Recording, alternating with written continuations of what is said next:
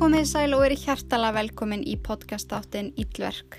Inga Kristjáns heiti ég og er þáttastjórnandin ykkar, eini sanni.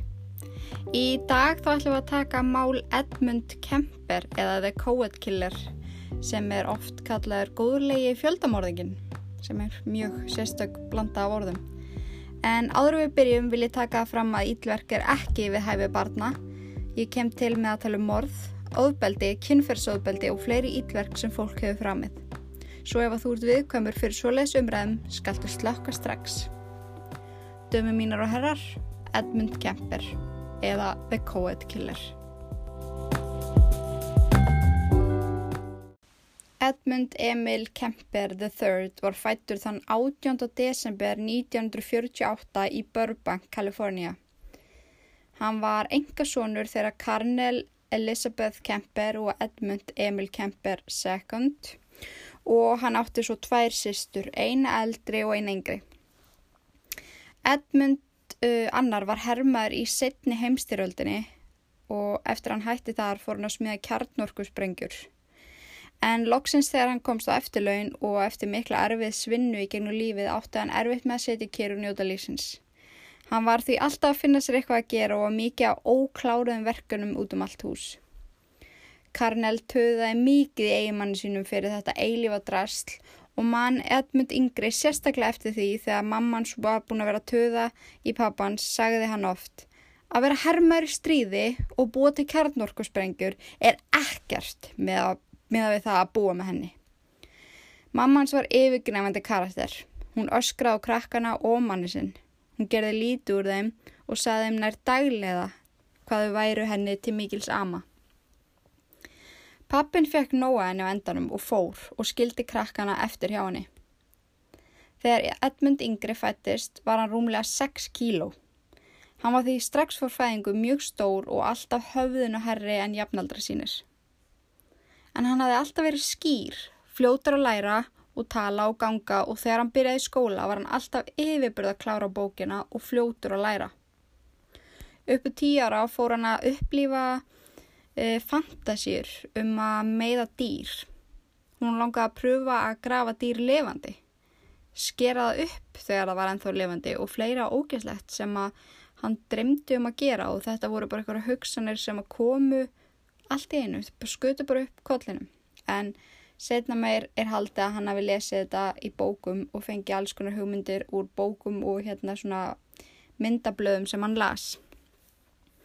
En í fyrsta skipti sem hann metti dýr tók hann heimilisköttin Bobby og gróf hann levandi út í skói.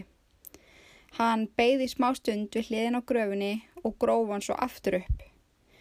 En kötturinn hafi kapnað undir moldinni og var því dáin þegar Ed gróf hann upp.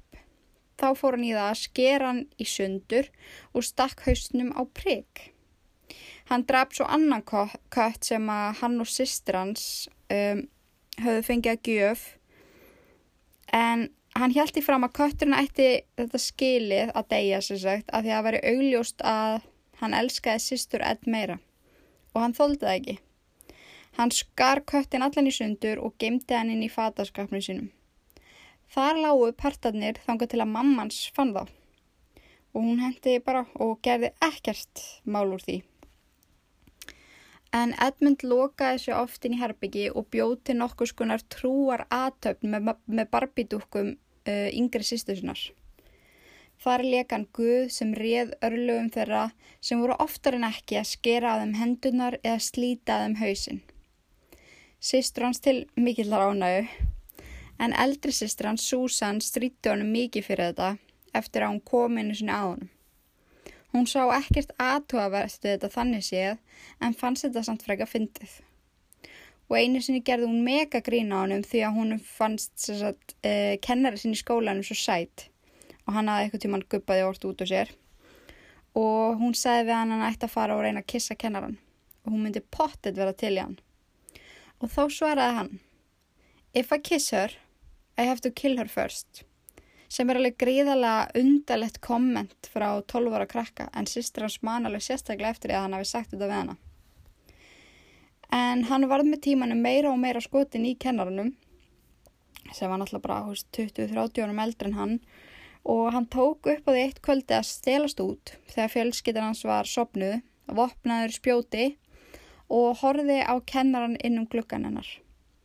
Hún bjó í lappefæri frá heimili Ed svo að hann gerði þetta mörgkvöldi í viku og stundu var, það, var hann það heppin að náði henni í miðjum fataskiptu með sturtunni.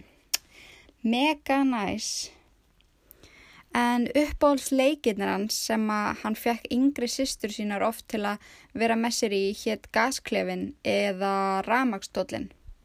En báði leikirnir gengur út á það að sýstur hans batt hann fastan við stól, síðan átti hún að þykjast kveikja á hnapp uh, á stólnum sem annarkort átti að komast að gasi eða ramagsjokki.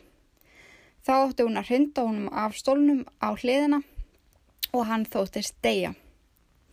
Sko þegar ég var að spá í þessu þá man ég alveg eftir mjög mörgum stórfyrðulegum leikjum þegar maður var lítill. Alls konar eitthvað svona sem er alveg magna maður hafi verið, húst, maður hafi vitað að vera til. En þetta er samt eitthvað svona next level, að ég veit ekki. En hann hafði, hann hafði lesið um þetta í einhverju tímariti. En foreldrar Ed skildu áriði 1957 eins og ég tók fram á hann.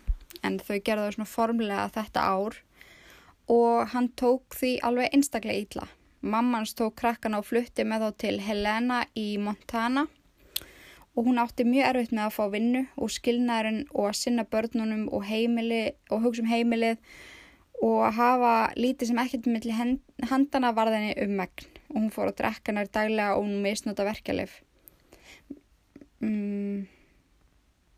Mér svo Æ, þetta er auðvitað hálf lýs að segja þetta en þú veist þegar fólk á erfitt peningalega séð hvernig getur það að vera sniðut að drekka dæla það er alveg dýrt sko en, ne, bara að segja en, en já það að drekka svona mikið og nota verkelif það bætti alls ekki úr þessum svaðilegu skapsveiflum í henni og ofsariðina sem að fyldi hennar karakter.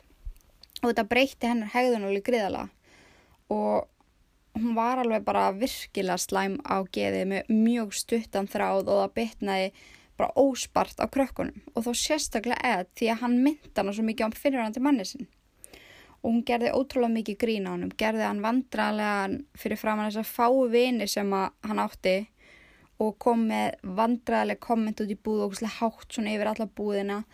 Og með tímanum fór hún að leggja oftar og oftar á hann hendur, veist, raskjallan og slá hann utarundir og hrindunum og svona. En hann, það sem er líka hæðilegt er að hún leta hann sofa aleinan niður í kjallara sem hún læsti á nóttinu því að hún var vissum að hann myndi gera sistru sínum eitthvað þegar þau var að fara að sofa. Og klukka nýju þá var hann læstur inni eða húst niður í kjallara með ekkert ljós því að það var of dýrt til að leiða hann að hafa náttlampa eða eitthvað svo leiðis og engan hita Þannig að það var alveg stundu bara neðamirkur og skýtkallt hann er neyru og hann var bara látin dúsa þarna bara svona til öryggis. Og síðan voru hann bara hleyft aftur upp þegar hann átti að fara í skólan. Og stundum er þess að glemt hún að opna fyrir honum og hann dúsaði þarna allan daginn. En hún leiði honum heldur aldrei að gleyma því hversu ótrúlega hávaksin hann var. En þeir sem viti hver Ed Kemper er, er viti að hann, húst, hann var hæstur 2 metrar og 6 cm eitthvað svolítið sem er alveg rosalega hávaksin maður. En um 15 ára aldur þá var hann orðnir rúmið 2 metrar og hún kallaði hann tröll, slána og þroska hefta resan hún neytaði alltaf að knúsa hann og ef hann reynda að knúsa mömmu sína þá hafna hann honum hún sagði hann að ef, hann, ef hún var að knúsa hann og mikið og sína hann um eitthvað svona kiss hann að kynna hann og geta hann orðið hommi og engin kona myndi vilja hann og engin kona mun líklegast elskan. Þetta er bara eitthvað sem hún sagði mjög reglulega við hann. Og þegar hann manaði sig upp í það að spura henn af hverju, veist, af hverju ert að segja þetta við mig, veist, hvernig veistu? Þá sagði hún bara, þú ert alveg svo pappiðinn og þú sér hver hann hvar hann er núna, veist, einn og fráskilin og bla bla bla. Og henni fannst hann bara ógæslegur og talaði bara rosalega illa um fyrirhandi manni sinn. En Ed lýsi mammi sinni í viðtölum á fulljónusárum um, hún hefði verið bara virkilega veik og reið kona sem var sennilega með mjög alvarlega, alvarlega geraskanir sem voru bara aldrei trítar, veist, hún fór aldrei að leita þessi hjálpar. En þegar Ed var 16 ára þá var hann orðið svo þreyttur á mömmu sinni að hann strauka heimann og gráðbað pappa sinn um að leifa sér að vera hjá honum. En hann var ekkert búin að heyra að sjá pappa sinn síðan hann fór. en hann bjó í Van Nuys í Kalifornia og þá komst hann aðeins líka í fyrsta sinn að pappans hefði gifst hannari konu og grætti hálfbróður sem honum fannst mjög spennandi. En Ed fekk að vera hjá fjölskytunni í svolítinn tíma og hann nautast alveg í bótt. Hann segir þetta séu ótrúlega góðu tímar og hann hafi átt svona nokkuð eðlilegt líf og bara svona í fyrsta sinn svona eðlilegt uppeldi í rauninni. En það leiði ekki á löngu þar til að pappans tilkynntunum það að hann yrði að fara. Það væri ekki pláss fyrir hann á heimilinu. Og hann baðsast ömmans og afa sem eru mamma og pappi mömmu Ed um að taka við honum. En þau byggu í Northfork og hann var ekkert sérlega spenntu fyrir því en hún er þótt alveg rosalega vænt um afa sinn. Uh, Afans er svona eina manneskjan sem hann sagðist nokkuð tíma hann elska. Hann hafi verið eina manneskjan sem að vildi það besta fyrir hans og hafði áhuga á lífan hans í raunni. En ammans var alveg eins og mammans. Yfirgnafandi veik kona sem töðaði stanslust og skammaði hann bara endalust. En eftir stuttan tíma þannig var Ed alveg að verða brjálar á henni. Þann 27. ágúst 1964 þá fyllist mælirinn hans. Amman sem satt við eldursporði þegar hann gekk inn og alltaf að fara að fá sér eitthvað að borða. Og hún byrjar að töða í honum út af ykkur og æsa sig og, og hann æsi sig og eftir nokkara mínútur eru þau farin að bara öskra á hvort annað. Hann verður svo reyður að hann æður út í bílskur, sækir riffil sem að afanátti, afansátti, gengur ösklegin í eldús og án þess að heka þá skýtur hann ömmu sína í höfuðið.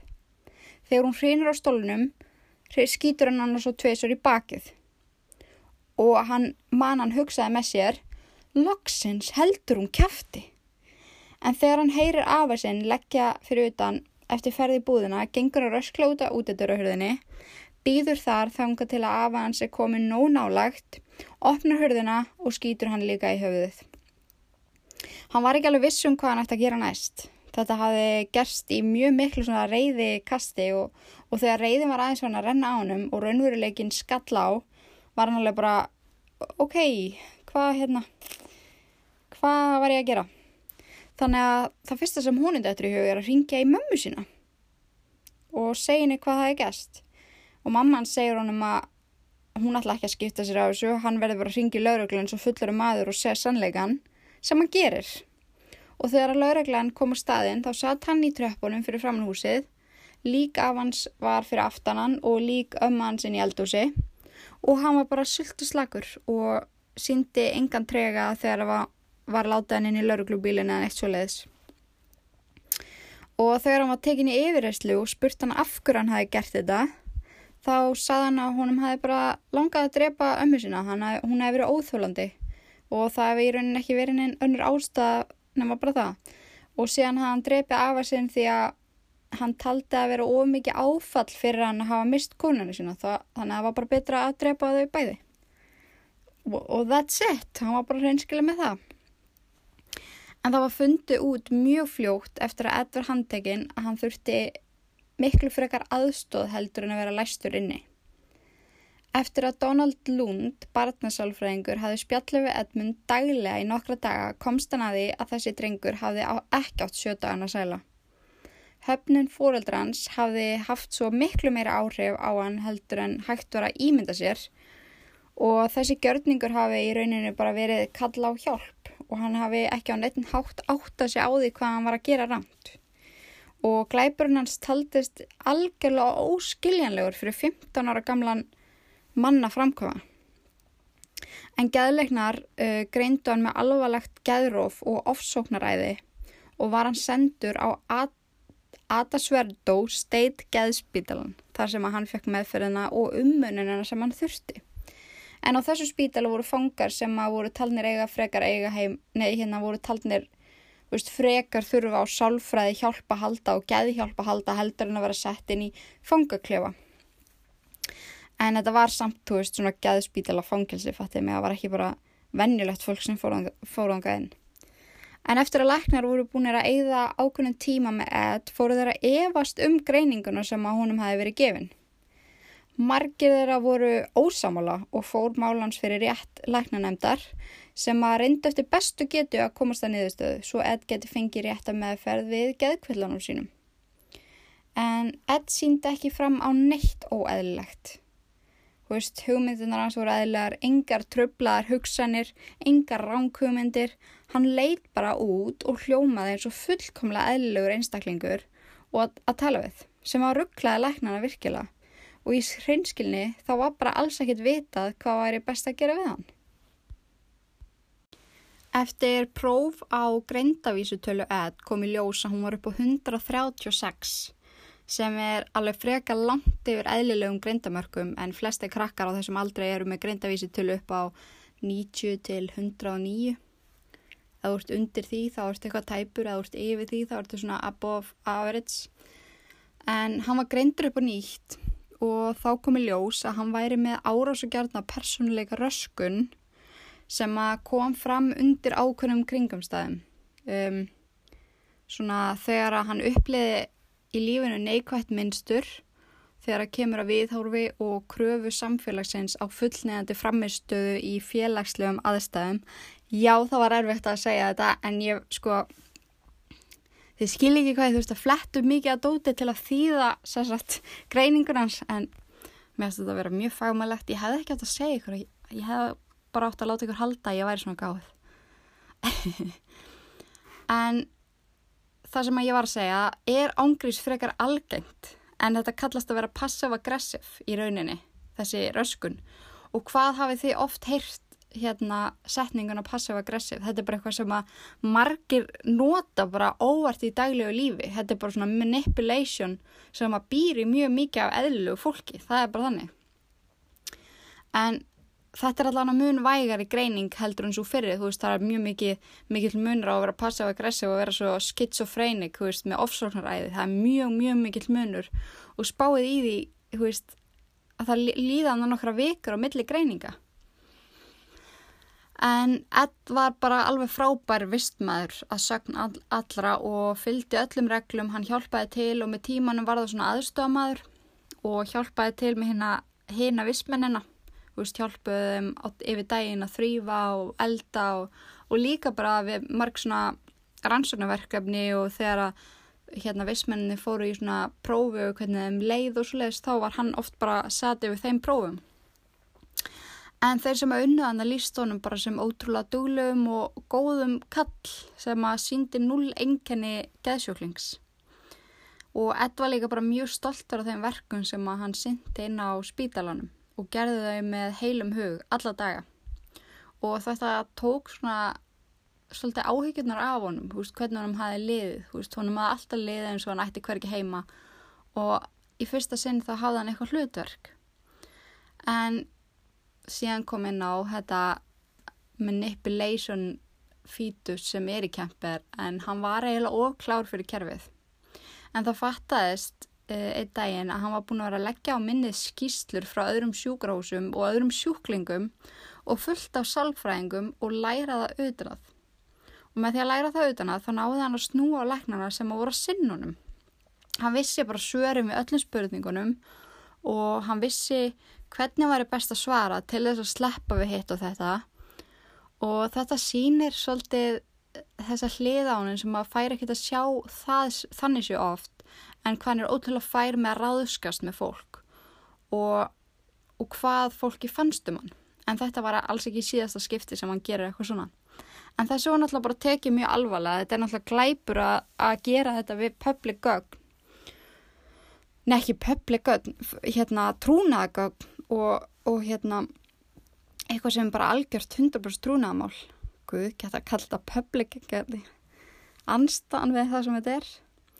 En enn og aftur þá var hann bara sultu slagur yfir þessu og sagði frá því að hann hefði lært svo ótrúlega mikið af þessu og hann hefði bara ekki hægt að geta hægt að lesa og hann bara er algjör límheili og mann bara allt svona. Og hann sagði frá því að hann hefði haft sérstaklega gaman að því að lesa skrár frá nöðgurum því að þar lærði hann að það væri betra að drepa konur eftir á nöðgæðum. Því að þá var miklu auðveldara, nefnust þá var miklu auðveldara því að það náttúrulega var ekki lífstrek í þeim og og þarna gata hann líka bara komist að vettvengi og það var ekki að fara að klaga því að hún var dáin. Vá, geggja ráð. En gangaverðinni dýrkuðan, læknar fundu ekki dáinum og Ed var bara talinn fyrirmynda drengur. Þú veist, þótt hann hafi gert þetta af sér þá náðan einhvern veginn bara tala, út, tala sér út úr því að endanum. En þann 18. desember 1969 á 21. ammálinn hans eða þá var hún sleft úr fangilsinu eða geðspítalanum geðspítalafangilsinu en læknarspítalans voru virkilega ósamla um hvað væri, hvað væri gáðilegast að gera fyrir hann, hú veist, hvort það væri gott að sleppa honum, hú veist, hvort hann réði við það eða hvort það væri bara tímaðislega að hafa hann en það, það var svo komist að fyrir niðurstöðu að hún er sleft og hann færi og byggi hjá mömmur sinni. En hún hefði sérst gift sér aftur og var búin að taka núna upp eftirnafnið Strandberg En Kemper þurfti að sækja geðhjálp tvisra viku, það var bara svona partur að því að hún hafi, orðist, veist, hafi verið sleft og þessi hjálp var algjörlega bara sköfðuð að ríkinu. Hann sannferði læknirinn sinn að hann væri alveg búin að ná sér og þessi kapli í lífin hans væri algjörlega búin og hann væri tilbúin að takast á við lífið sem fullorðin heilbriður einstaklingur. En 29. nógumber 1972 þá sendi læknirinn hans bref til yfirvalda um að hann teldi eða vera búin að ná nægum bata til þess að halda áfram á sínum eigin fótum, bara einn og yfirgefin.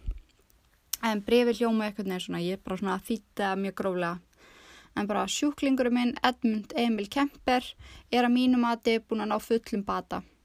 Hann er fullorðin helst eftir maður með yfirbyrða gáður. Hann er laus við allar þær geðvelur sem að hann hafði verið greindu með og það þarf ekki að hafa ágjör að hann um, að senda hann aftur út í samfélagið þar sem að hann er korki hættilegu sjálfum sér nýja öðrum. Ég hveti ykkur til að skoða það að hreinsa nafnans af öllum dómum og hleypunum aftur út í samfélagi sem frjálsum manni. En þetta er senda mjög virt um lækni og ég er ekki að djóka að það var í geðlæknir sem var að skrifa bröðu um mig þá myndi hann ekki einu svona orða á svona fallega ég er ekki að djóka. En gæðleiknirinn er að lýsa manni sem að var að skjóta ömmu sinu afa og, stál, og, og var svo að dutta í einhverjum gögnum og eitthvað svo leiðis en á þrejum árum þá fær hann þetta bref og já, bara með sér út í lífið og losnar algjörlega við allt af sínu nafni. Þetta, þetta er magnað sko, hvernig manniskur geta smegt sér fram hjá hver, hérna kerfin eitthvað næn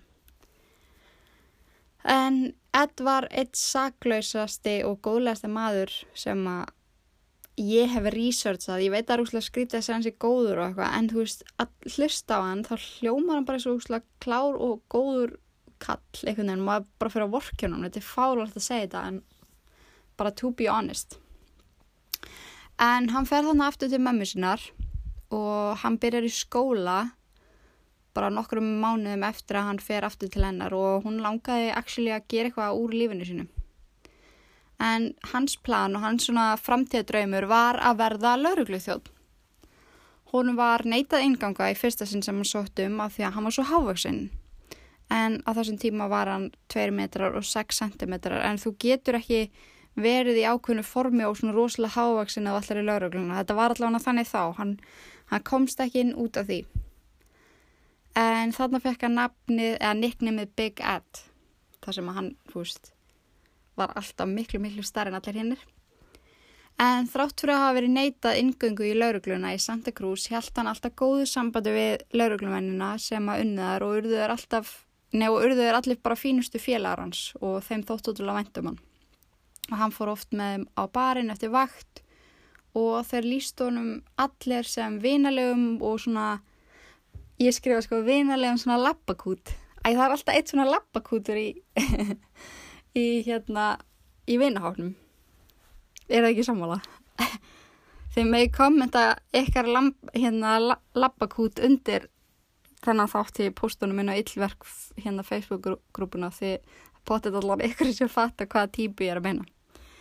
En Ed fekk svo vinnu hjá samgöngur áðanætun í Kalifornia Þegar hann kláraði vaktina sín á kvöldin þá kveið hann mikið fyrir því að fara heim því að samband hans og mömmans held áfram í þessu sama gamla ömulega fari og þannig var hann komin aftur í þetta neikvæða niðurýfandi umhverfi sem hann hafi reynd að flýja áður fyrr. En reyfirildin millegra voru orðin þannig að nágrannir heyrðu oft í þeim, oft í þeim bara milli veggja og ringdu á laurugluna út af þessum háfaða. En Ed lýsi sambandir með mömmu sínu svona. Við mamma áttum hræðilegt samband sem á líka við stríð. Það var ofbeldisnegt og það var anstekilegt. Ég hef aldrei sagt jafn ljóta hluti og látið segja jafn ljóta hluti um mig á æfinni. Við vorum rosaleg í rifirildunum okkar og letum allt flakka. Ef að það hefði verið maður að tala svona við mig þá hefði ég lamið hann. En ég gæti ekki lamið mömmu. Rifirildum voru líka alltaf út af einhverjum fáralögum hlutum. Eins og til dæmis það að ég glemta að tampusta mig. Þá trublaðist hún. En Ed fór á, hérna all-in þarna í að sapna eins miklu peningu hann mögulega gatt svo hann geti flutt í burtu frá henni. Og eftir nokkra mánuði af því að lifa á núlum og það engum pening nánast náði hann að flytja út og flutti til vina sín sem að bjó í Alameda, Kalifornia. Hann kvartaði oft í vinu sínum að ná ekki að losna við þessa tilfinningu eins og að Mamman svo væri alltaf að fylgjast með honum einhvern veginn því að hún var alltaf að ringja og alltaf sanda hann á postkort og svo mætt hún líka oft bara óvænt bara í heimsókn, bara gett snemma á morgunin og fór ekkit allan daginn. En eftir mikla erfileika með að ná, hérna, ná að fá næga vinnu hjá samgönguráðanetinu þá neittist Ed til þess að fara sumar helga mömmu sínar og þykja mat og húsaskjól sem hún fannst umöðulegt að þurfa, að byggja um en hann sá einhvern veginn ekkit annað. En þegar en hann hataði mér bara að þurfa að byggja um þetta. En hún tók hún um alltaf aftur og þú veist, mér langar að segja að þetta hefði verið svona love-hate relationship, þú veist, og þetta var það sannilega, en þetta var bara svo mikill next level viðbjöður, þú veist, bæðið hvernig hún kom frá, frá með ham og svo náttúrulega hvað hann gerir við hana, þú veist, það er ekki þetta að lýsa þessu. En Ed kynnti stelpu sem var svolítið mikið yngre en hann þegar hann var 22 en þá var hún 16 og þau urðuðu actually mjög hrifin að hvert öðru. Og eftir nokkra mánuði saman þá baði hann að giftast sér og hún segi já. Og ok, núna tel ég mig vera orðin nokkuð góða í að researcha svona mál og finna alls konar lendar upplýsingar en ég er ekki að djóka að ég ég fann ekki neitt um þessa stelpu. Veist, ég fann ekki myndaðin, ég fann ekki nafnið hennar, veist, ég fann valla bara hvað ártalið voru saman. Þannig að veist, ef þið viti eitthvað um þetta ángrís, ef ég er eitthvað frá mig þá með endilega láta mig vita. Ég var bara, sitt ég var lengur að leita þessu heldur en að skrifa allan þáttin, ég er ekki að tjóka. En já, þau voru mjög hrifuna hvert öðru, það er eina sem að ég fann og hún hefði kallað hann bangsasinn en svo einhvern veginn bara leistist upp úr þessu sambandi af því að þú veist, hann var bara í ógæsla neikvæðu umhverfi, þú veist, mammans bara hafi neikvæð áhrif á hann og þú veist þessi stelpa einhvern veginn bara bakkaði burtu, þú veist, og hann var bara þú veist, hann held í alverðinu að hann væri bara búin að finna sér konu, hann væri bara að fara að eigna spötn en þú veist, allt kom fyrir ekki.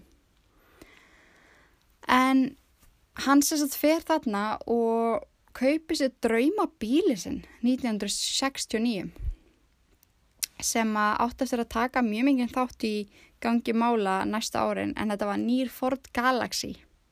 En hann hafði sérst fengið 15.000 dólar að gæta úr tryggingum eftir mótuhjólusli sem hann lendi í og hann gæti farið og keft sér þennan bíl ásend því að eiga smá afgang.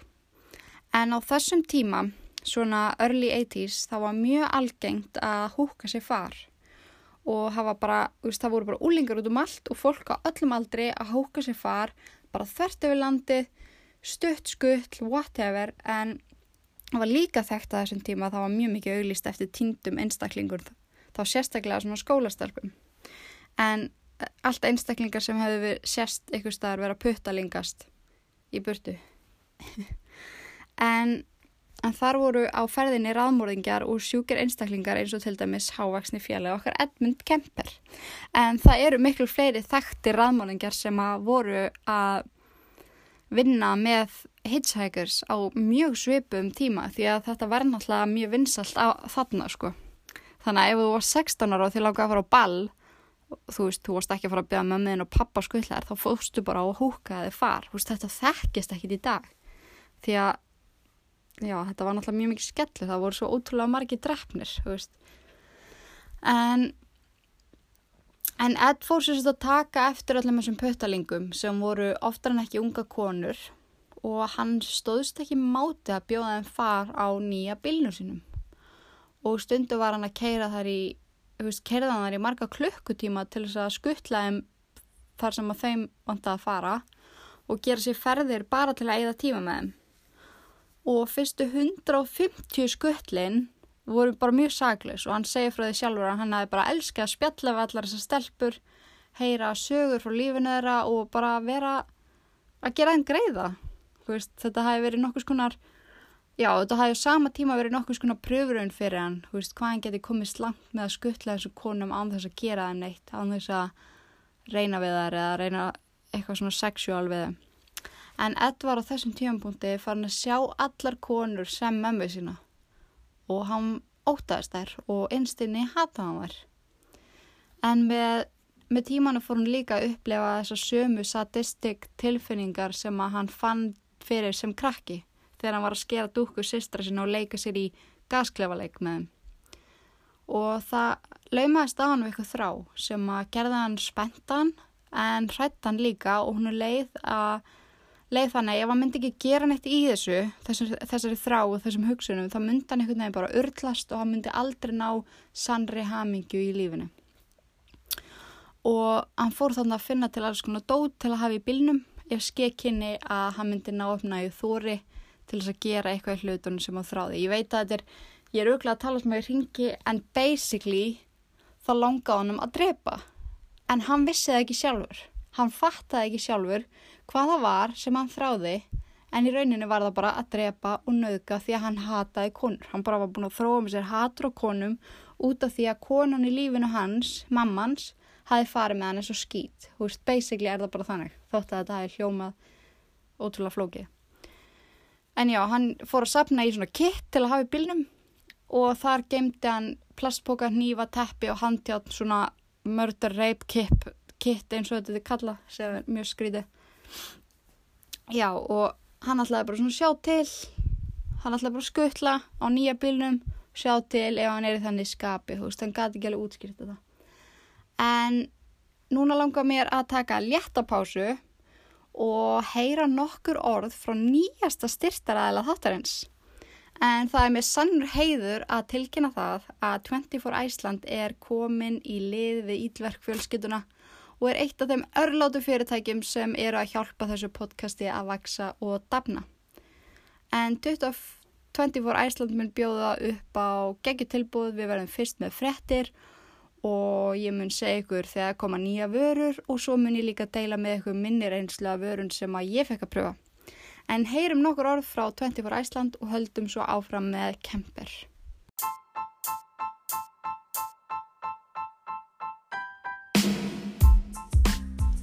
Nú fyrir að líða af þjóðatíð og þá þarf maður að gýra sér í gang og dressa sér upp.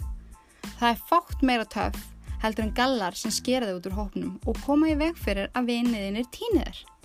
Skelltu þeirinn á 24 Æsland og fá þeir hættupessu og joggingbúsur í stíl. Einnig til að sína bæjarbúðum heimaæjar virðingu getur þú líka vestlaðar hálsmenn sem er lagað eins og vestmannegar. Það væri gaman og virðingavert ef allir saminuðust í eigum með fallegt heimæjarhálsmenn í brekkunni. Það er til í gulli, silfri og rosagulli. 24 Æsland, saminar eigabúa og landkrabba á þjóðutíð. Velkomin tilbaka kids, vonandi eru þið búin að finna ykkur eitthvað næs að gera fyrir þennan setnupart þátts, eh, flokka skúfur eða þó þótt, jafnvel kæri vinnuna því að þetta verður bara meira brútal með hverja mínútunni sem líður. En þann 7. mæ 1972 þá var Ed á rúndunum í Börkleið þegar hann kom, kom auða á tvær stelpur að húka sér far út í vegkant. Hann stóðst ekki mátið og bauð þeim far. Hann hafði fyrstum sinn ekki tilt í huga og stelpuna kynntu sig sem Anita Marie og Marie Ann. Þær voru 18 ára gamlar og þurftu að komast aftur til Stanford University þar sem að þær voru báða nefendur. Eftir að hafa keirt í um klukkustund og spjalla heilmikið við stelpunar fóru þau að nálgast það sem var staður sem að hann hafði alist upp á og þekkti eins og lóan á sér. Það voru skrítna tilfinningar sem heldust yfir hann. Hann hittnaði allara innan og án þess að hugsa beigða hann inn á malaveg sem leti inn í skó hægra megin við veginn. Hann útskýrði ekki fyrir stelpunum af hverju hann var að beigja þangað en það voru þær ekkit að spyrja eftir að hafa spjallið henni klukkutíma og orðnar svona ansi öryggur í bylnum hjá Ed voru það líklast ekkert að spáði. Á þessum tímapunkti var Ed búin að ákveða að nauka þeim. Hann hóta, uh, hótaði þeim svo að þær, já bleið, hóta þeim svo, svo að það myndi ekki segja frá og skuttla þeim svo á áfangasta. En svo fór hann að hugsa um það sem hann hefði lært á geðspítalunum, það sem hann hefði lært á gögnunum sem hann læði á minnið um nöðkara sem að drápu fórnalöpi sín til að koma ekki upp um sig. Hann handjárnaði Mari fasta í framsætið og læsti svo Anitu Mari í skottið, í skottunum. Hann nöðgæði Mariann og það sem vakti áhuga minn var að hann tekur það fram þegar hann er að segja frá þessu atveki Þú veist, fyrir utan það hvað hann er að gera sem er hræðilegt, þá tekur hann sérst fram að hann hefði óvart snert á hann í bert brjóstið og hann hefði, þú veist, á meðan hann var að nöðgjani og hann hefði verið bara, ups, oh my god, sorry, og hann hefði bara farið gett hjá sér svona eins og það maður snertir rassin á okkur um óvart í röð, fattiði mig, þá líður manni bara, oh shit, sorry maður, hún og leið þannig, samt var hann að nöðgjani og alltaf svo dreip, þú veist, þetta er svo skrítið, en Hann kláraði svo sitt og kyrti hann og svo þar til að hún ljast. Hann gerði það sama á Anitu sem að styrtlaðist þegar hún sá vinkurinn sína líflösa í framsætunu. Hún reyndi að fá hann til að sleppa sér en gata ekki. Hann gata ekki bakka núna. Hann kom líkunum fyrir skottin á bílu sínum og kerði heimáleið. Hann var mér svo stoppar á leiðinni af laurugluþjón sem að bentunum það, eh, bentunum það annar af... Klukkur orðan og margt. en sérst laurugluþjóðin bent honum það að annað afturljósið á bílinum væri brotið. Og þetta var ekki, já já, það er ángrís bara á to-do listanum mínum bara á næstu dögum að láta laga þannig að engra ágjur en spáði í því að það sé brotið út af því að önnur stelpan hafi sparkaði það þegar hún var að reyna að berjast fyrir lífinu sínu sem að lá núna líflaus í skottinu það er svo fengi að hlusta út í það sko neða hugsa út í það En lauruglumæðurinn gerði ekkert viður úr þessu, brosti bara og slefti Ed aftur út í umferðina. En Ed kerði bara heim til sín. Hann kannaði hvort að vinnur hann sem að hann bjóð með að vera heima. Hann farið, sesti, og hann sá hann að fara í vinnuna þannig að hann bakkaði henni í bilskur og dró líkin bæði inn í herbyggi sitt. Og þar eitti hann hellingstíma með þeim báðum. Stundaði kynlífi með líkonum, tók myndir að þeim og stilti þeim upp í stellingar svona saman, lesbiskar stellingar saman á mynd. Og þegar það fór svo að koma vond lykt og líkin fór að rótna fór hann að vinna í því að skera líkamanna í parta svo hann geti losað sér við á. Hann losaði sér við alla líkaspartana hingað á þangað. Hann eitti nokkrum dögum í að losa sér, losa sér sér vandlega við þá og fór bara, einn daginn fór hann með þetta og þetta, annan daginn fór hann með þetta og þetta og passaði að þetta væri allt bara út um allt en hann eitti, já, hann gemdi síðan hö, höfuðinn af báðum stelpunum til að nota þá til að sinna sínum sjúku kynlífstörfum. En, ok, sorry, næsta að ég er að fara að segja er ógislegt, en þetta er bara, þetta er bara það sem að gefðist. En hann sér að þrýsti ef limnum inn í öll göt á höfðinu, augnópin, munnin og hálsin þar sem höfuðið hefði verið sagað af líkaðunum. En þetta, það er til orði verið þetta. Um, og það er orðið irrumation, irrumation. Og ég hafði aldrei heyrt þetta orð eins og mörg orð sem að ég segi hérna frá en ég þurfti að googla það. Og það kemur mynda honum bara efst, þú veist, að maður googla þetta. En þetta er bara eitthvað sem hann gerði við öll höfðin af líkinu. Þannig að veist, þótt að auga verið ennþá í þá bara þrýstaði inn í höfukúpuna, mig. Ég, ég veit þetta er óslett en ég er bara brútalega honest hérna með þennan gaur. Um, ú, þetta tók mann aðeins svona. Uh, uh, ég veit ekki eins og það en þegar hann hafi lokið sér af þá losaði hann sér við bæði höfðin og þráttur á að gengi ekki gegnum þetta allt og framkvæmt þennan viðbjóð þá breytist hann ekki neitt hvernig hann talaði við annað fólk, hvernig hann kom fram og yngum grunaði neitt en Ed bara hjælt áfram að vera þessi hávaksni bánsi sem að fólki líkaði ótrúlega vel við. Og það liði svo fjóri mánuður þar til að hann fann fyrir þörfinni að nauðga og drepa aftur. En tíminn þarna á milli var fólki nokkuð óhullt með honum. Hann skuttlaði tugi einstaklinga sem hann sá út í kant og skuttlaði þeim öllum á leðarenda og spjallaði bara við á leðinni. Og líka ef við spáum aðeins í þessu, minnst það svo magnað, veist, hvað allir það sé sem gerist í heilanum á þessu fólki þegar þú, veist, það eru svo margir af þessum morðingum sem eru kannski að drepa á fullu í mánuð, eða kannski ekki í mánuð, kannski í viku og eru bara að drepa drepa drepa og finna bara því litt miklu þörf, síðan kom bara fjórum mánuðir það sem gerist ekkert. Allir það sé þá bara raukhugsunin að kekka inn, bara ég verða að leila ós og engi fatti eða, veist, hvað er það sem gerist í hausnum? því að þetta fólk er greinlega ekki með raukvöksun að ég fættiði mig ég spá eftir í þessu þegar það er verið að segja frá því að raðmóringar sé að taka svona cooling off period þegar eins og sé að kvíla sjá þessu eða eitthvað þannig, minnst það svo skrítið en já, hann hafði öll þessi tækifæri sem að hann nýtti ekki til þess að drepa. Og já, svo er ég bara að skrifa hérna, mér langar ókysla að vita meira hvað er að gerast í heilanum þegar þessi breyting verður, þannig að þið með ég segja mér að þið vita, ef það er ykkur að læra um svona, það væri ókysla gaman að spjalla við ykkur sem er í ykkur skonar svona fræði. Þannig að hit me up, býtið að koma í sopa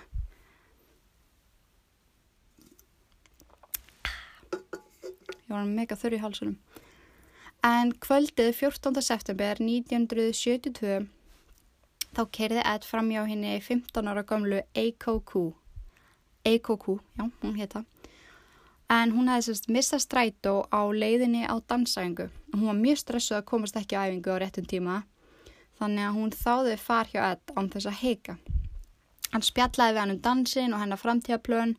Þáka til hann kerði fram hjá beigju inn á gróður af vaksinn skóarveg. Hann beigði þangað og Eiko spyr hann hvert hann sé að fara. Hann sagðist geta stitt sér leið fram hjá gatnamótum þar sem hann var mjög mikil trafík. Þegar hún fór að efast um að, væri, að það væri sniðt að fara sér leið og varð auðsjónlega órátt tók hann upp bissu og þrýst henni upp að gagna Eiko. Hann lofaði henni að ef hún gerði það sem hann sæði þá myndi hún sleppa óhullt. Ed stöðaði bílinn og sagði hann að setja kyrr á meðan hann fór út úr bílnum til að sækja handjárn í skottið. Þegar hann ætlaði aftur henni bíl þá getur hann ekki opnað. Hann hafði óvart lært sig úti. Svitinn spratt fram á ennin hans og hann fekk létt panik. Stelpan horfið á hann út úr gluggan döðrætt. Og ég er ekki að djóka, en Ednaða sannfarna um að opna fyrir sér. Samt að sko bissa hann inn í bíl og hún var læst inn í bílnum. En hún, hann lofaði bara öllu fögru og notaði bara sjarma sinn og hún opnaði, veist, hún hugsaði með sér örugla bara já ok, hann stóð við það sem hann sæði þegar hann var að hóta mig með bissun og hann. Það er bara réttast fyrir mig að opna og halda áram á treystunum spáðið í þessu. Þarna ertu bara á milli, þú getur bara stúta gæðinum komast í burtu eða opnað. Veist, það er auðvitað hræðilegt að þeirra að taka ákvarðin um þetta. En hún trúði því auðvitað þarna, henni er þið óhullt en þegar hann settist aftur inn í bíl var Eiko búin að átta sig á því hvað var að gerast og hún var í mikill í hættu. Hún reyndi að spjalla við hann á rólegunótum og róa hann niður. Um, það virkaði smá stund á hann og Ed fór svona andar léttar og var svona þess rólari. Síðan leita hann á hana og styrtlegist. Hann kyrta hann að þanga til hún hætti að streytast á móti, nuðgaði henni og tróði svo líkinu í skottið. Þarna svo fóru fréttir að kvarfi nefnandana sem að voru ekki að skila sér aftur heim að þekja forsiður dagblæða og í sjóarpinu og svo leiðis og það var bara að leita af stelpunum í fullum gangi og það fóru pælingar í gangum að hvort þessi kvörf væri mögulega skilda okkur nátt. En það var mælt með því að nefnendur myndu bara þekja far með bílu sem voru mertir skólanum í kring en það var sérstaklega límið sem að nefnendur og kennurar fengu sem voru límdir í baklöka bifræðana sem var svona blár, blár miðið með stóru kvítu A og það var líka bara mælt með að vera í hópum, veist, ekki vera ein og þvælingi og þannig áttu puttalingarnir að vita að þeir væri að fá fara með samnemyndum eða kennurum og því væri örugt að þykja fara með þeim. En viti menn, bílarnas eð var líka með svona límiða þar sem að mammans var að vinna í skólabransanum og hafði látið hann fór gamla bílið sinn þegar hún fekk sér nýjan. Þannig að hann var með svona miða, spáði því. Hann segi frá því sjálfur að á milli morða þegar hann var að skutla hafa hann ekki haft að í sér að gera Já, djók Vói, ég, ég beilaði bara heilig setningu. En af því að hann var með svona miða þá var hann sérst í hóp þeirra sem var óvöld að fá far með sem að gaf honum hann að bara frípassa. En já, Hann segi síðan frá því sjálfur að á millimorða þegar hann var að skuttla hafa hann ekki haft það í sér að gera neitt við þær stelpur sem fór að tala um þess þennan ræninga sem að það voru komið svona orður á um.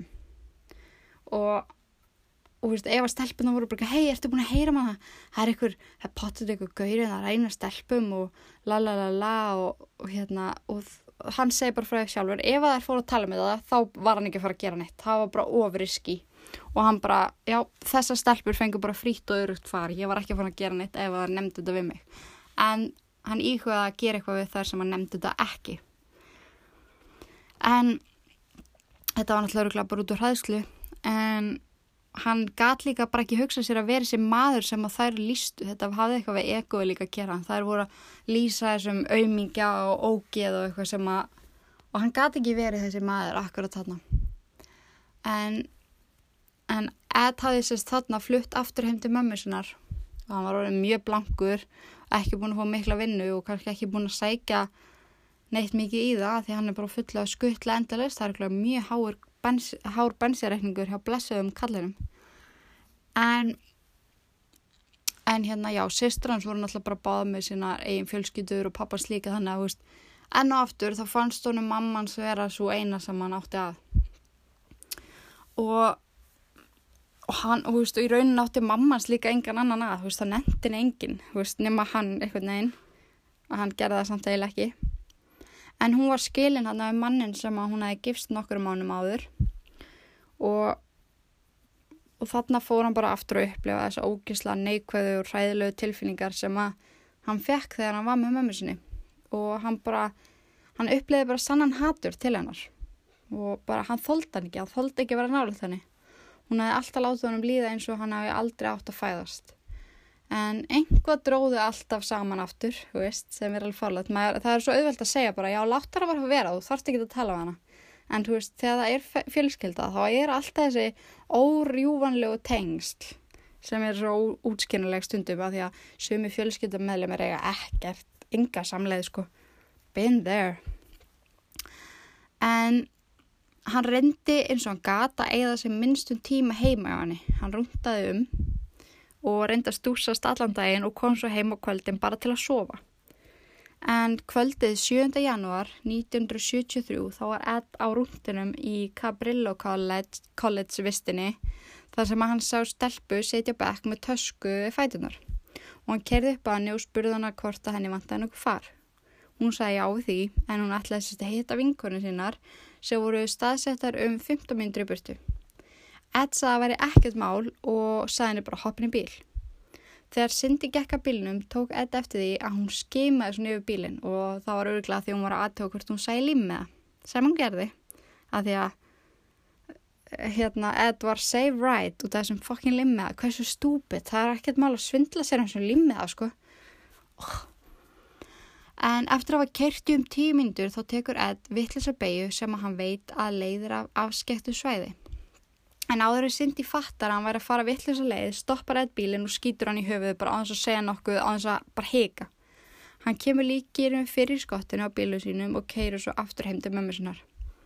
Hann tekur líki í fangið og kemur því fyrir inn í fattaskánum sínum yfir nóttina. Þegar hann vaknaði við það dæn eftir að útidra hörðinni var skellt, veit hann að hann er loksins einn heima og mamma hans er farin í vinnuna. Hann dregur líka inn og bað og skólar á því allt blóð. Hann setur fötinn í ruslaboka sem hann brennir síðan setna um dæin.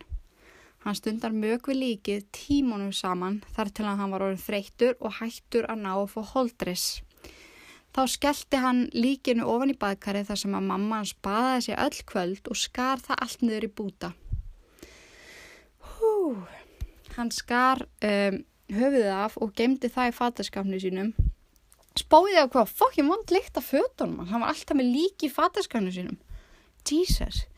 En restina af líkamassindi dreifði hann á marga staði þvert yfir bæinn. Hann notaði höfuðið fyrir kynferðslegt atferðli þar sem hann fór þangað til að fóra rótna og líktin að því varð óbærileg. Hann beigði það til að mamma hans fór í vinnuna eitt daginn og gróð höfuðið í bakgarðunum hennar og let andlita hennar Cindy snúa upp að herbyggisklukka mömmusinar. Hann segi frá því setna meira að mamma hans hefa alltaf lagt mikið upp úr því að fólk leti upp til hennar, svo hann ætlaði svo sannlega að láta Cindy gera það í orðsins fylstu merkingu. En líkamspartar Cindy fundust nokkuð fljótt eftir að það var byrjað að auðlýsa eftir henni. Og máli hennar var strax einhvern veginn beintengt við fyrir mál og þarna fjækt þessi dulafulli ræningi og morðingi viðunefnið The Coed Killer. Að því að hann var ennþá bara búin að vera að drepa ungar, nefn, nei, ungar hérna skólastalfur. En þann 5. februar 1973 þátti Ed mjög brútalir yfirildi við mömmu sína. Hún kallaði hann öllum yllunöfnum, hún gargaði á hann og nú er að hann að fara að drulla sér út. Hún fengi aldrei að ríða því hún væri alltaf með fullotnin ógæslega þroska eftir són sinn hangandi yfir sér. Já og ég var bein því þetta bara upp úr viðtali. Hanna don't judge me, ég veit að það er ógæslega að segja þetta. En Ed var svo orlaus og styrtlar úr reyði að hann raug út og skellti fasta eftir sér. Hann fór vísvitandi á rúnd í leit af fórnalambi. Hann þurfti útrásina, reyðin var svo ógeðslega mikil og yfirþyrmandi. Það fór að vera erfiðar og erfiðar að finna puttalinga þar sem óttin í samfélaginu var orðin það mikið til að stelpur heldu sér heima fyrir og reyndu að húka sér bara sem minnst var. Allir voru hrætti við COVID-killar. En 23 ára gamla Rosalind Heather og 20 ára gamla Alice Helen letu morðingir ekki stoppa sig. Þar voru nokkuð óhrættar þar sem að þær ætlaði að ferðast tvær saman og þar myndu aldrei lega ykkur um auðmingi að gera þeim eitthvað. Ed segi frá því að annu þeirra hafi sest strax inn í bíl án þess að hika og sagt honum hvert þær þurftu að fara. Hér stóð fyrir utan og síndi mikinn trega í að fara inn í bíl. Stelpan sem hefði sest á undan náða samfara hérna um að þetta væri allt í góðu. Þegar það voru báðar komnar inn í bíl, ræf Ed upp bissu og skautar báðar í höfuðu algjörlega heiklust. Á staðnum skar hann höfuðun af þeim og gemdi á gólfinu aftur í. Hann kerði svo heim til mammi sinnar og bar líkin á sitt hverju aukslinni. Bæði hann svingaði hann bara upp á sitt hverju aukslina og barði henni í herbyggi sitt. Og hann svaf með bæði líkin uppi á sér þessa nótt og stundaði möguðu til skiptis. Dægin eftir losaði hann sig við líkin eftir að skorði öll niður í búta. Höfðun á stelpunum geimdi hann í nokkra dagi viðbót til að nota kynferðslega inn í fataskáp Jésús Ed var einu svona spurður já, Ed var einu svona spurður að því af hverju hann gemdi höfðin á fórtunarbórum mér finnst þetta svolítið áhugaverðu punktur. Þú veist, af hverju höfðin? En hann segi frá því sér að höfðið hafi verið svona svolítið svo byggar fyrir hann. Allt sem að manneskja hefur að geima er inn í höfðinu. Heilin, augun, munnurinn og manneskjan sjálf bara. En sér að þegar hann var lítill þá hafi pappans alltaf sagt við hann að líka minn væri dáin þegar hausin væri skorin af. Og hann saði þetta í miðjum klíðum við að afhafða hænur. En ég í síðan segir hann. Ég veit að í dag hefur, hefur líka minn svo margt annað upp á að bjóða hann bara hausin en ég naut þess að stunda mögu höfuðið heldur hann, húst, hann naut þess að frekar að stunda mögu höfuðið heldur hann líka minn sjálfan og það er svona geimdi, hann höfði henn alltaf svona lengi en þau var alltaf bara mörgum mörgum dögum lengur heldur en líka mann þau sjálfur Hú, þetta er svo, það er svo, nei sko krakkar, ég veit að það er skrítið fyrir ykkur að heyra þessi orð á íslensku en þið skiljið ekki hvað er stundu skrítið að segja upp á það sem ég er að lesa hérna. Og veist, þetta er svo skrítið að segja til svona heiminum að maður eitthvað nefn bara segir þetta bara í einhverju trauma. En podcastið mitt heitir Ílverk að það er svona svolítið partur af þessu. En ég held að við ættum að taka okkur örstutapásu og heyrum nokkur orð frá styrstar aðla þáttarins og öndum aðeins inn út.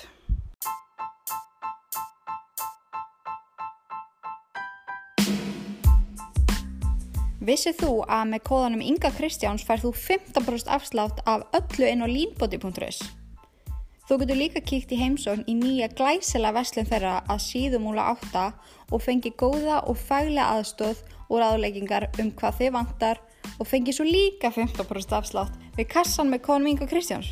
Ég, hver er þessi Inga Kristjáns eiginlega? Hágeðavörur og hámars árangur og við elskum það.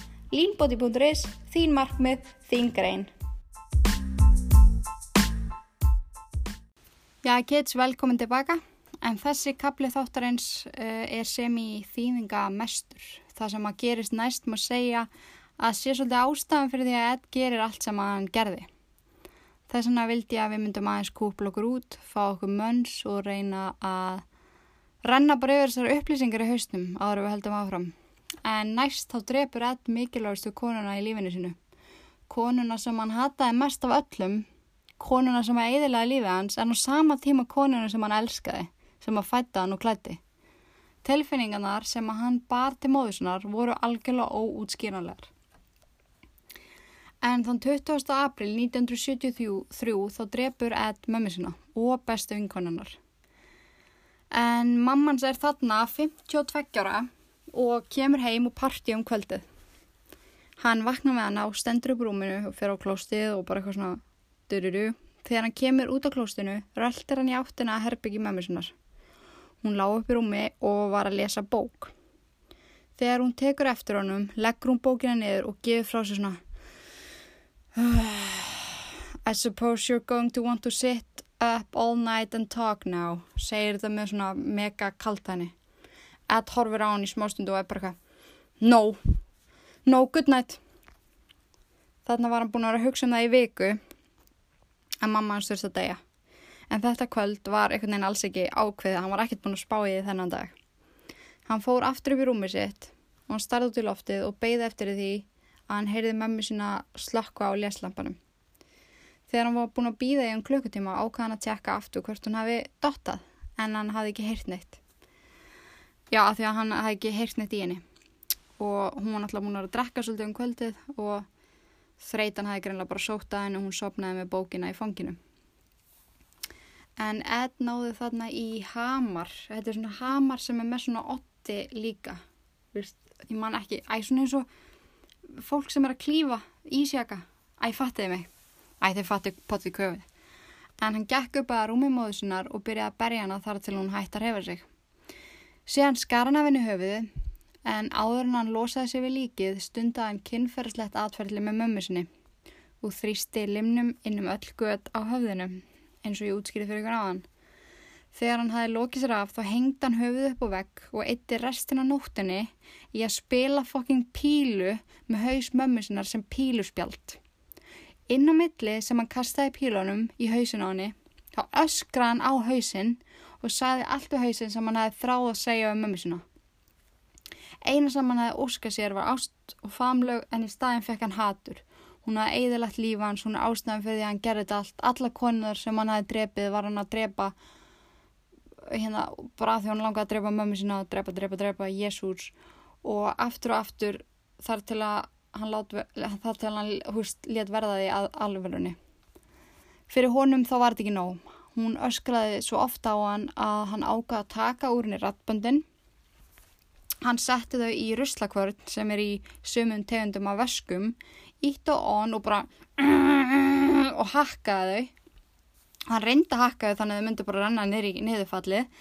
En allt kom fyrir ekki, það var ekki hægt að gera neitt til að þakka niður um hans því að rattböndin hennar flæktust einhvern veginn í blöðunum og saksarunum svo það komið því líklæti, miklu miklu meiri læti en ætti að gera og hóðflöksunar stípluðu heila klappið. Þetta, púst, aha en sko það eru til frábær viðtal við edd á netinu ég hveti ykkur ef ykkur finnst þetta áhugavert að hlusta á þessu viðtöl því að hann er mjög skýr, það er gott að hlusta á hann, þú færð betri mynd og ég ætla núna að spila klippaði hvernig hann, bara hvernig hann uppliða að drepa mömmu sinna og hvað hann hugsaði, það segja svo miklu, útskýrta svo miklu betur heldur en ég. Þannig að heyrum aðeins í Ed. It was springtime, it was April, for two months I hadn't killed and I said it's not going to happen to any more girls. It's got to stay between me and my mother, and it's got to. I can't get away from her. We're still fighting. She's still belittling me. She's still. I'm like a puppet on a string, and I entertain her. She knows all my buttons, and I dance like a puppet with that pain. And it had even gotten physical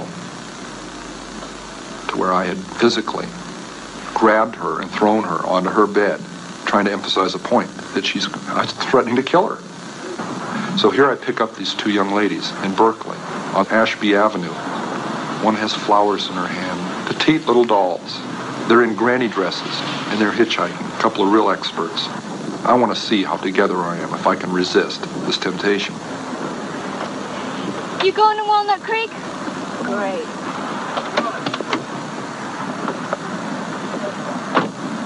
And they get in my car. They want to go one way. I know they need to go the other. If they go the way they're insisting on, we're headed right back out to where the first two co-eds were murdered. And I'm saying to myself, oh my God, all I got to do is relax and they'll take me to their death. I've got the gun in the car, the same one I've been doing it with. I insisted. As gently as I could, I took them where they needed to go, to their college.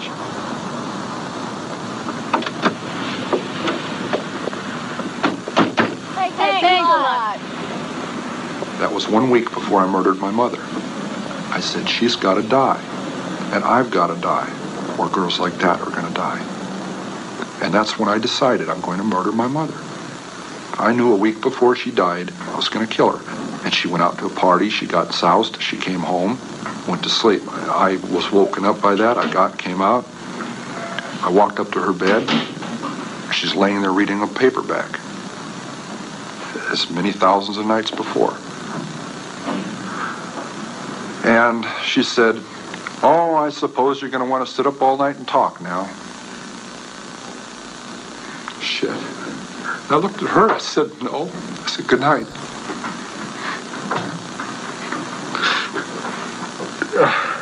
And I knew I was going to kill her. You know? And I'm so cold. It's so hard. And that's the first time in 10 years I've looked at it that way. I mean, that intensely, that honestly. It hurts. Because I'm not a lizard. I'm not from under a rock. I came out of her vagina. See?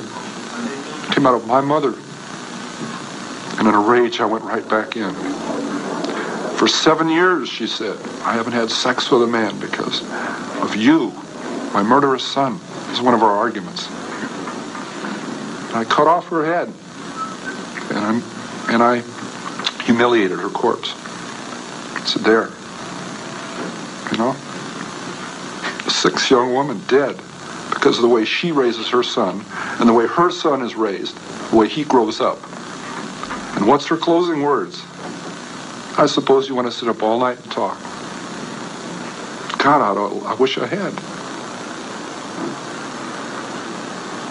Hmm?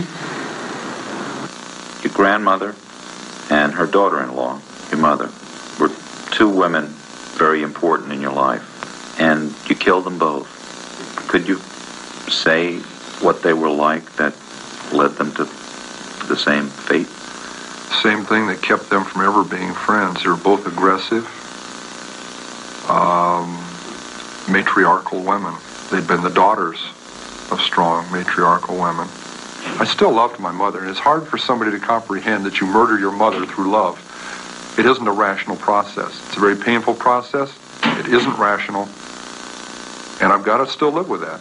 Why did you wind up giving yourself up? It had to stop.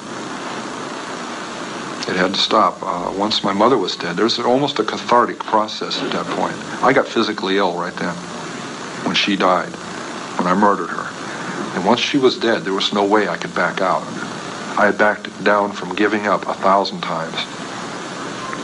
You know, I used to get drunk and go sit out in front of the sheriff's department in a parking lot across the street on one of those little concrete parking berms. And I just sit there and say, no, I still can't. The clanging doors, I could still hear them. No, because it'll never open again. You know, so I, I I uh, rationalized that to give up would be insane. To give up would be crazy. I'd be giving away my freedom, and I don't need to. But I look back on that and wish I had earlier when I was saying those things to myself. The people who were later dead wouldn't be. The regret that came later would have not had to be. Those people, not things, those people would still be with their families, with their loved ones. They would have their own families if I had had the courage to make that decision instead of painting myself into the corner. Where might you be if you'd never given in to the impulse to murder? Where might I be?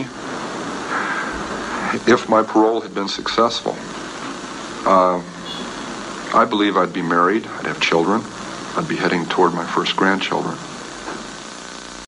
En þetta fannst honum eðlilegast að gera eftir allt sem hún hefði gert og allt sem hafi gengið á hjá þeim í gegnum árin og öll þau skipti sem hún hafi drullað yfir hann. En þegar hann hafi lokið sér af þá faldi hann líkumömmu sinnar inn í fataskáp. Hann hafi, hann hafi sér svo til og fór, já, fór í aðeins fítningföð og fór svo barinn með lögguvinnu sínum. Þar hitt hann bestu vinkonu mömmu sinnar á barnum, hinn á 59 ára gamlu Surrey Taylor Hallett, eða Sally, eins og hún var alltaf kölluð.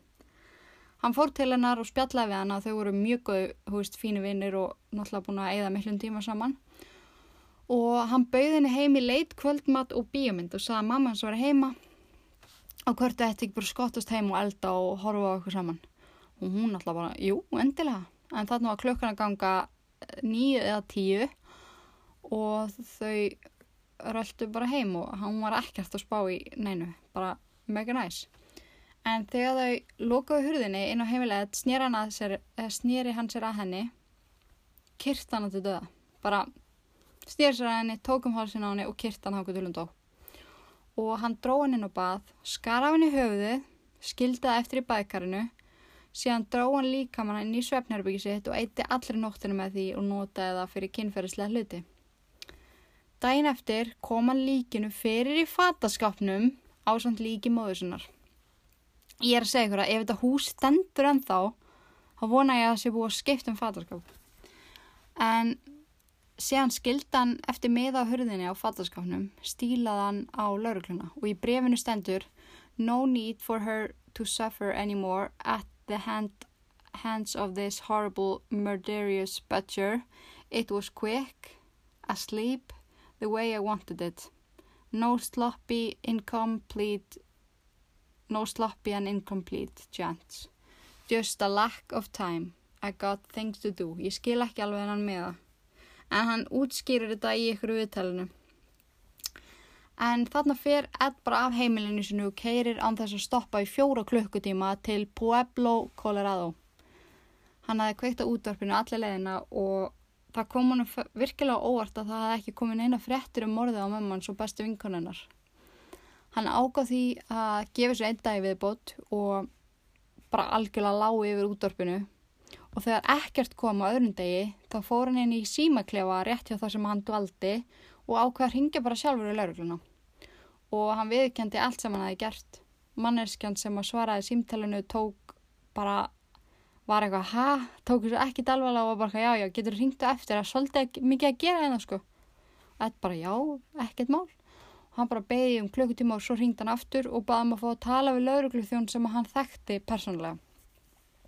Og hann bara endur tók allt sem hann hefði sagt í fyrra skiptið og saði að ef þeir færi heim til hans og leitið inn í fataskapnum þá myndi þeir finna lík mamma hans og bestu vinkunu og þeir ætti að koma bara strax á handakann og, og þegar lauruglan kom þá var hann ennþá inn í símakljáðanum þegar hann kom auða á laurugluna steg hann út úr símakljáðanum með hendunar upp í loft og sagði, og já, setti það svona ofan á símakljóðan. Hann var bara fullkóla tilbúin að vera tekinn fyrir það sem hann hefði gæst. En hann var tekinn í yfirsæslu og spurður af hverju hann hefði gefið sér fram og hann segi frá því að tilgangurinn fyrir allir reyðinni og hatrinum og ástæðan fyrir því að þetta hafi allt saman byrjað var farið.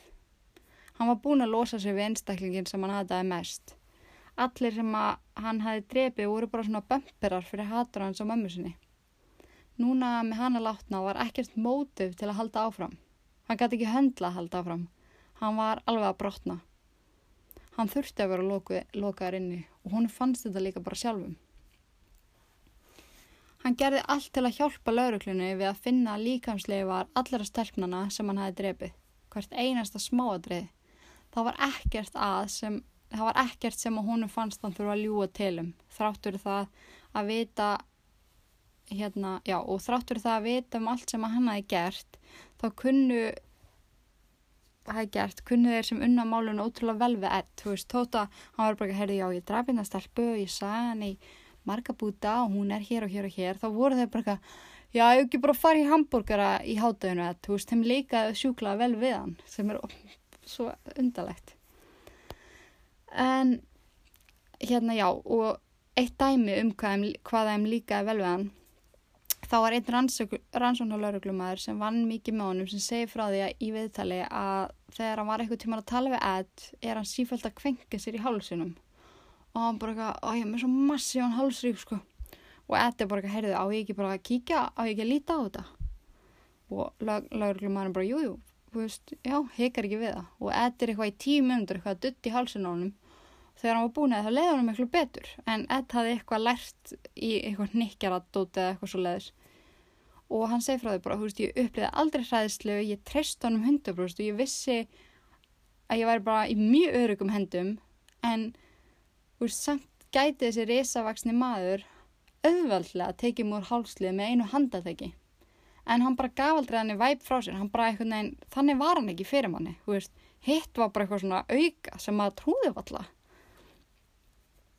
en Ed var ákjörður fyrir öll áttum morðin þann 7. mæ 1973 og honum var skaffa lögfræðing uh, sem hétt John Jackson sem að kvatti hann til að neyta sög vegna geðrætna vandamála og hann hafði ekki vita munin og rétt röngu og þeir sem að rannsökuðu málið tóku til greina greiningunar sem hann hafi fengið sem krakki og þar var hann hreinsaður af öllum geðkvöllum.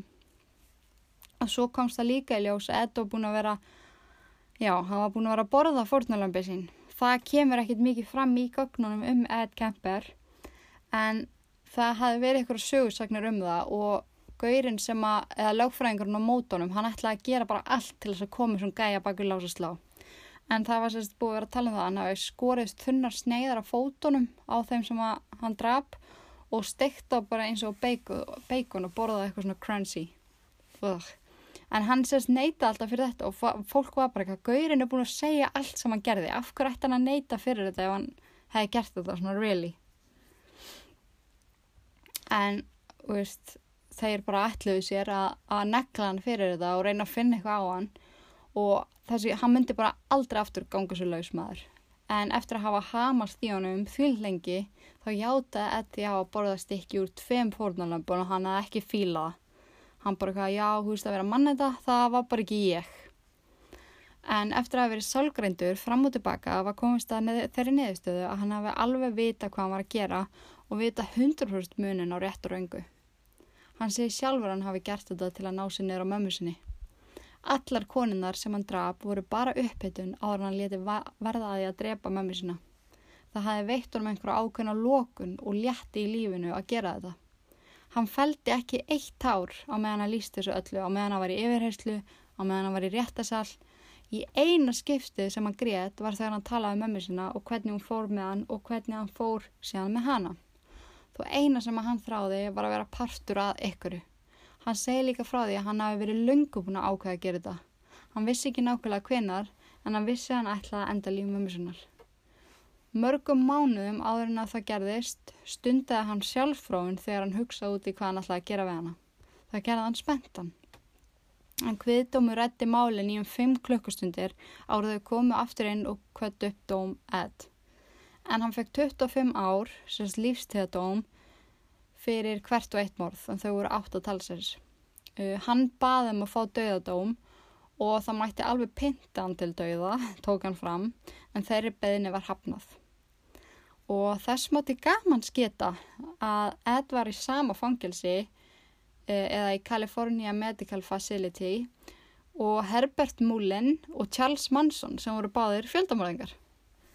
Fjöldamorðingjaparti en Herbert Mullen hafði sérst verið að fremja sína glæpi á sama tíma og sama stað og, og, og hérna Ed þóldi ekki Herbert og, og í ykkur viðtalið á kallar hann morðingja sem drap alla sem hann sá fyrir enga sérstaklega, á, sérstaklega góða ástæðu. Bara eitthvað ok, hashtag hræstni. En Ed hefur alltaf um, og er enn í dag talin sem fyrirmyndar fangi hann hefur hérna, það hefur komið upp núna nokkur sinnum síðan 2017 að sleppur um lausum. Hann er í alls konar klubum og hópum innan fangelsi sem er alls konar stjórnum og og hann er búin að lesa inn og fylgta hljóðbókum. Það eru til hljóðbækur inn á Audible sem að hann les. Það er mjög fengi.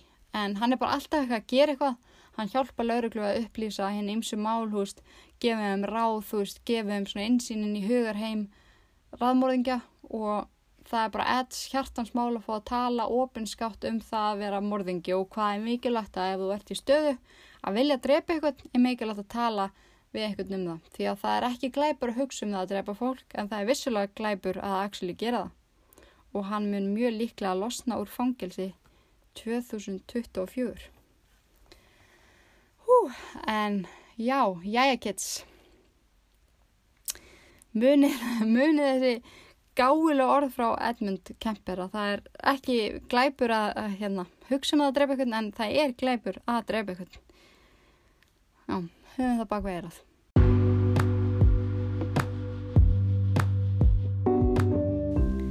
en þetta var mál Edmunds Emil Kemper the third, væga sagt áhugavert og magnað og sama tíma ógeðslegt. En það voru mörg ekkar sem voru búin að byggja um að taka hann fyrir og ég hveti ykkur til að horfa á heimildamyndina um hann. En sjóastöðin Oxygen gaf út uh, geggjaða mynd um hann og það er átt að sé, sjá fullt af svona ósíðu áhugaverða efni. En ég held að við segjum þetta gott í dag. Takk kella fyrir að hlusta og þá engur til næst forðustu all ílverk nema þetta podcast. Verið sæl